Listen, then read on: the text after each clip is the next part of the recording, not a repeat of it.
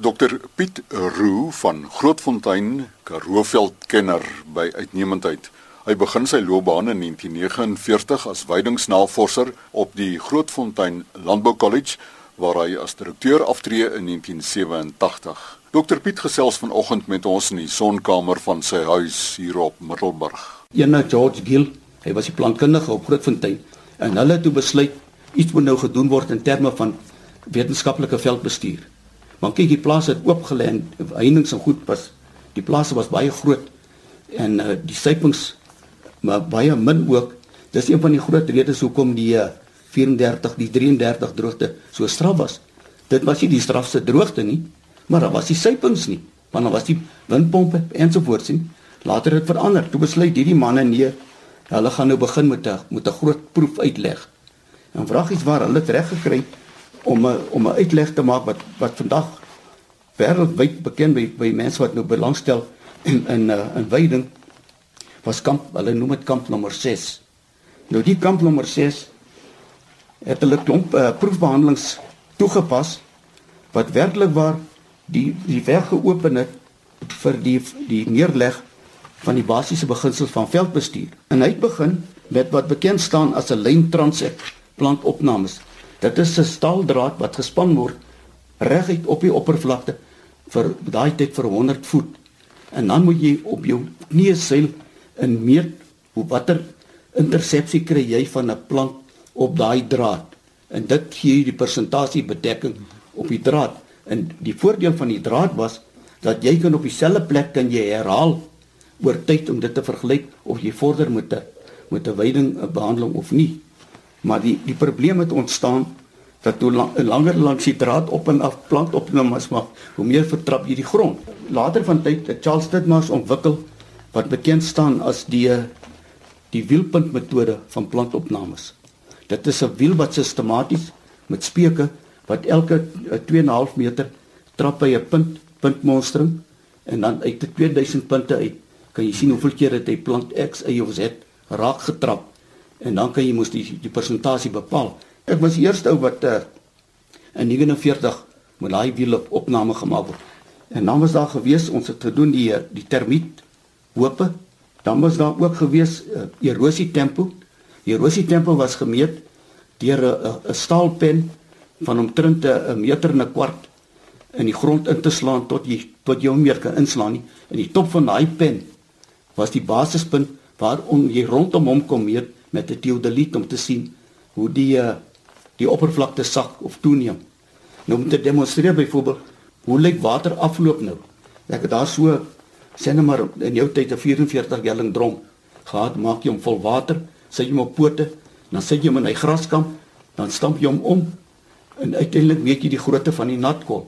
Dieselfde nou, daar by die bossiekamp waar hy nou geërodeer het, loop hy baie vir die kol is baie groter nat by die infiltrasie. in die afloop van die water is soveel groter. Toe het ek hierdie ding ontwikkel die die dalende punt metode.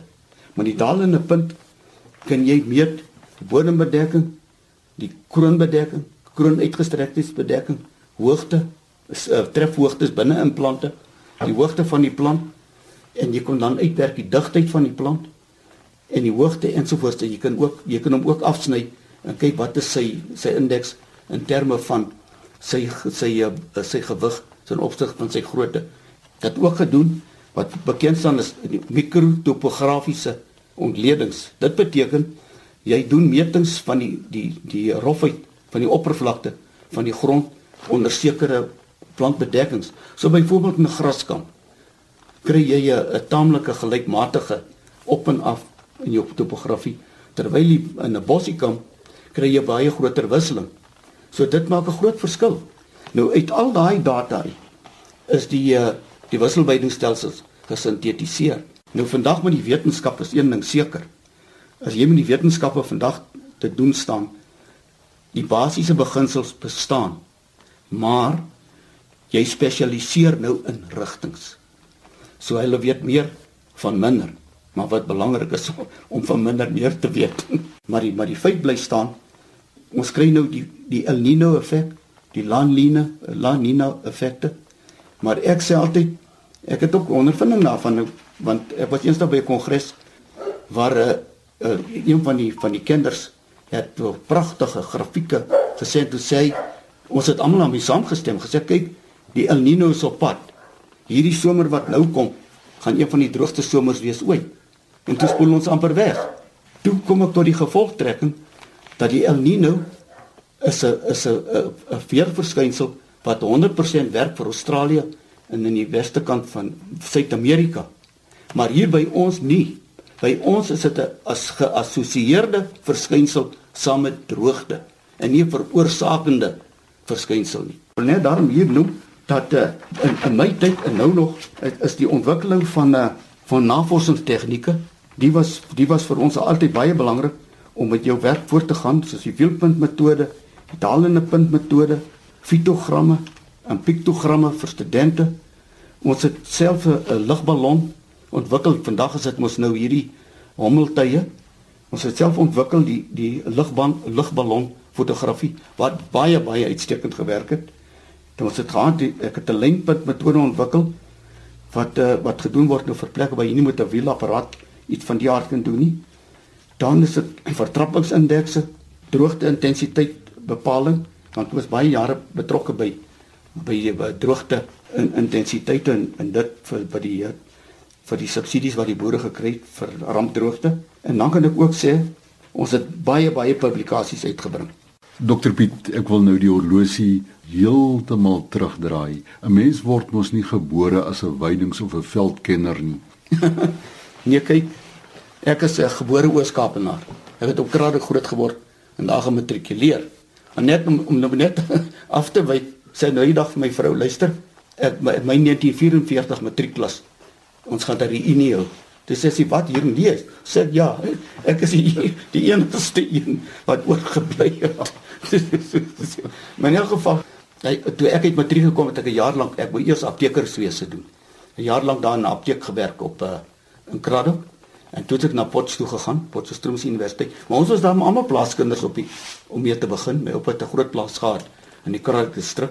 Ek het nou nog ou fotos van wat ons wat my maalig vat 1918 en so aan met die trapmasjiene en die koringproduksie en die myle en die wolbale en so aan. En ons kinders het geskiet. Ek het ek was 6 jaar oud toe kon ek met 'n punt 2P skiet soos wat in die wêreld. En en niemand het ons was bekommerd daaroor nie.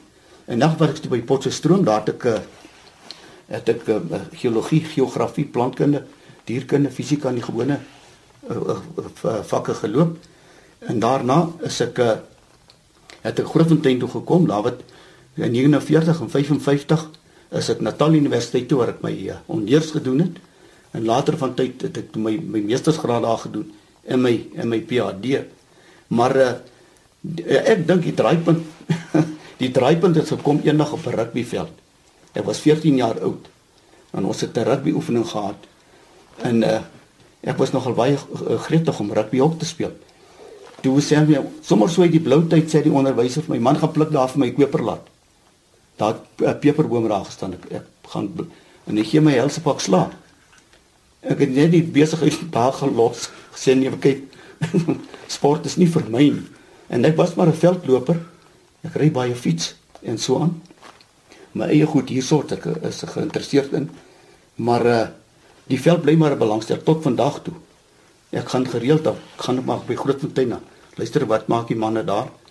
Wat uh, wat baie insiggewend is, so het gesê hulle spesialiseer goed. Byvoorbeeld een van die van die navorsers daar, hy die reënvalpatrone ontleed en ook gevind wat wat nou hierdie 20 jaar van gras ontwikkeling om die somerreënvalle het definitief vermeerder in die somereenval in hierdie Karoo gebiede.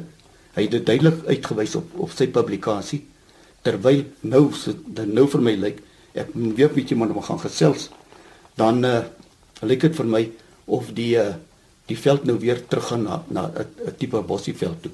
Dit kan dit kan wees of nie. Dit is moeilik om te sê, maar jy kan nie die weer nie so voorspel nie. Nee, my belangstelling is so ek my ander voordeel was gewees ek op op Profontein gekom het was John Aycox daar. En Charles Ditmas, hy was 'n Cambridge doktorsgraad gehad ook in die plantekologie. En uh ek het my aan en af saam met uh, John Aycox partykeer veld toe gegaan. Byvoorbeeld hier suid van Middelburg het het ek eenslag saam met hom gaan kyk, hy het spesies opnames gemaak want hy was die kartograaf, die plant uh, geograaf van sy hy het ook die pragtigste veidingskaart of plantegroeikaart opgestel. Toe ek en hy daar 'n blok gedoen van omtrent 3 3 km ag 3 hektaar groot. Toe ons daar plaas sê my wie ons het nou die rekord vir die Karoo geslaan sit uh, 2500 spesies gekry. Al die meeste wat hy gekry het was was onder by uh, by die fynbos in die Boland. Daar het baie baie meer want kyk dit is 'n baie ingewikkelde tipe uh tipe plant planteformasie. U eggenote tannie Jane het waar u nou nie teenwoordig was nie vir my gesê elke keer as jy met vakansie gaan, dan gaan dokter eers die oggend voor die tyd die uh plante groet in die veld en as jy terugkom dan gaan groet jy hulle weer. ja, dit is daar heeltemal waar nie. Nee, nee, dit is so. Verder is my belangstelling jy hier kan sien in hierdie vertrek, die skilderye wat teen die mure hang hier, het ek almal geverf. So, ek het daar my stokperdjies, ek, ek ek doen op die oomblik uh, doen ek 'n houtwerk uh, projekkie vir 'n man in Pretoria. Anders as die stoel wat jy op sit het ek gemaak en die tafel wat jy daar sien, het ek gemaak. Die oorlosie wat daar hang, het ek gemaak. En ensovoorts. So ek het 'n hele uh, volledige werkswinkel vir houtwerk. En die, maar die die die belangrike ding van die houtwerk, ek weet van houtwerk af toe toe ek van Grootfontein af uh uh klaar gewerk het, toe weet ek wat weet ek van houtwerk af. Maar ek die die instruksieboeke gevat en deurgegaan, dis die rolsaag en die dikte skaaf en die routers en ensovoorts. Na gaan en 'n draaibank, die fynste goed uitgedraai op 'n draaibank. Dit wys as jy het die boeke tot jou beskikking hier op die internet kan enige ding kry, enige patroon van van 'n eh, eh, bootjie smaak tot vleer smaak. So dit hou my aan die gang. En so gesels weidingsnavorser, Karoo-veldkenner en voormalige direkteur van die Grootfontein Landbou College, Dr Piet Roo. Baie geluk ook oom Piet met die 90ste verjaardag vroeg in die nuwe jaar. Vanaf Middelburg in die Karoo, geniet die dag.